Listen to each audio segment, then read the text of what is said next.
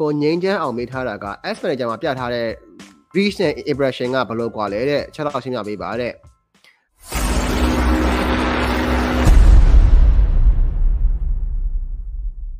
ကိုငိမ့်ချမ်းအောင်မေးထားတာက S manager မှာပြထားတဲ့ reach နဲ့ impression ကဘယ်လိုကွာလဲတဲ့ခြေတော့ရှင်းပြပေးပါတဲ့အာ reach ကလူရေအတွက်ပါ impression ကမြင်တဲ့အချိန်အတွက်ပါ